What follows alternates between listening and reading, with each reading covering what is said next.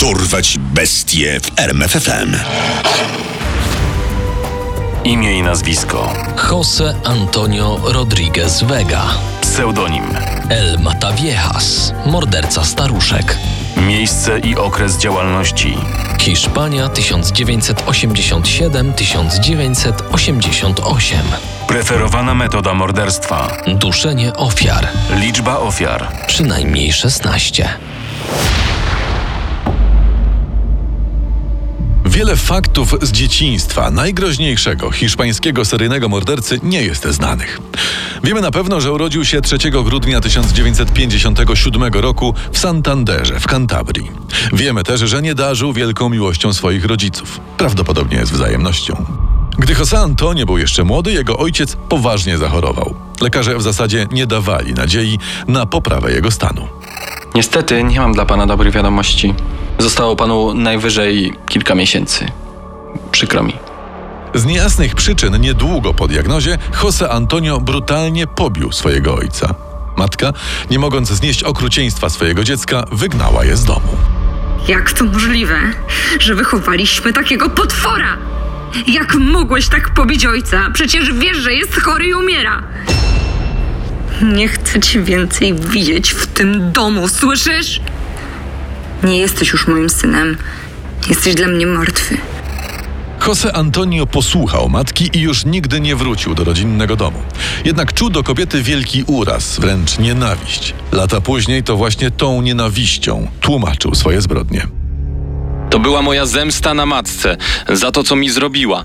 Za to, że wybrała tego umierającego niedołęgę, a nie mnie. Żyjąc na ulicy, szybko odkrył uroki przestępczej kariery. Jednak bardziej niż zyski doceniał przypływ adrenaliny towarzyszący łamaniu prawa. Doszedł do wniosku, że najwięcej emocji dają mu przestępstwa seksualne, w szczególności gwałty, które uznał za wręcz idealną formę zemsty na matce, która podobnie jak jego ofiary była kobietą. Udało mu się skrzywdzić naprawdę wiele kobiet, nim w końcu wpadł 17 października 1978 roku. Niedługo później usłyszał wyrok. Sąd uznaje podejrzanego Jose Antonio Rodrigueza Vega winnym zarzucanych mu czynów i skazuje go na karę 27 lat pozbawienia wolności.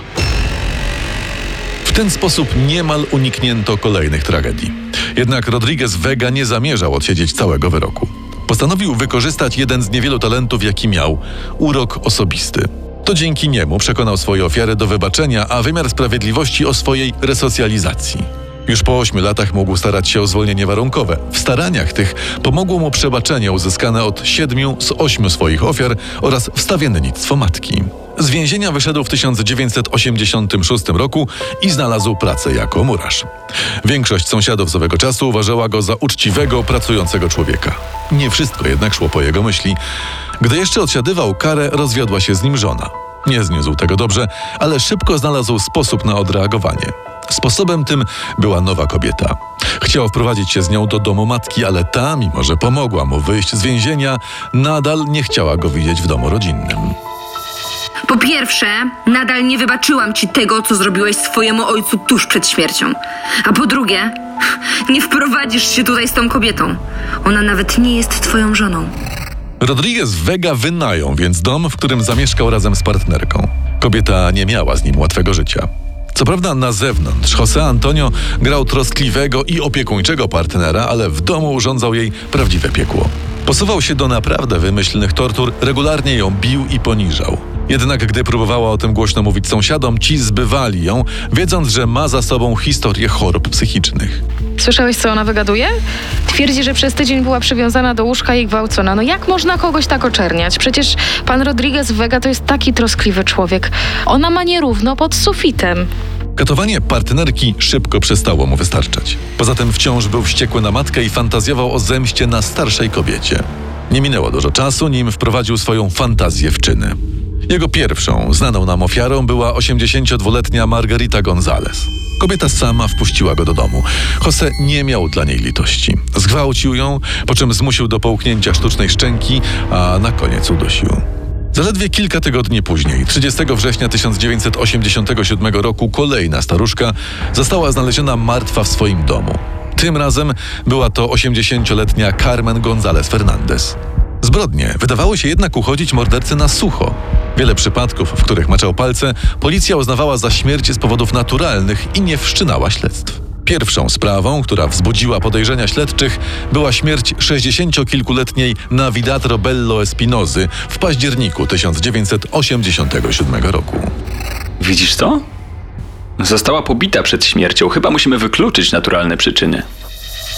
Rodriguez Vega, przeczuwając, że jego ostatnia zbrodnia może zwrócić nieco więcej uwagi, postanowił na chwilę przystopować. Wytrzymał do 21 stycznia 1988 roku. Wtedy to jego ofiarą padła Carmen Martinez González. Wówczas policja już na dobre poszukiwała El Mataviejas, mordercy staruszek, o którym pisano w gazetach.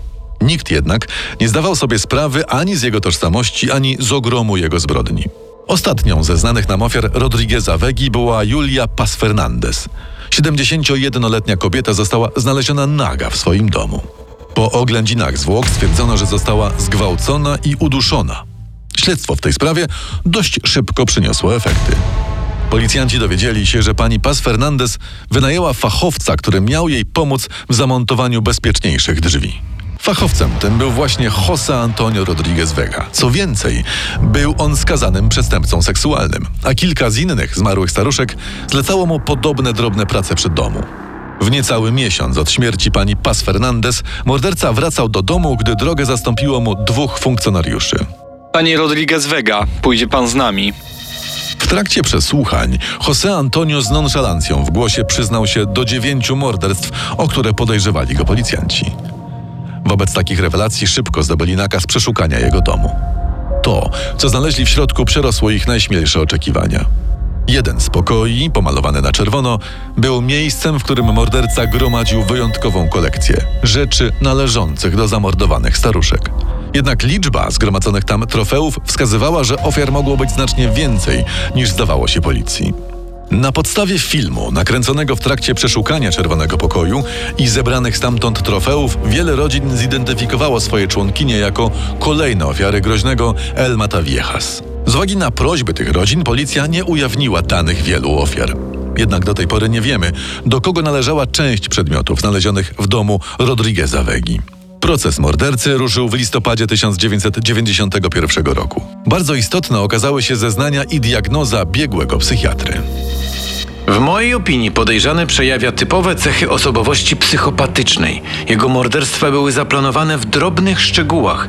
Najpierw identyfikował potencjalną ofiarę, potem ją obserwował tak długo, aż znał jej rutynę w najdrobniejszych szczegółach.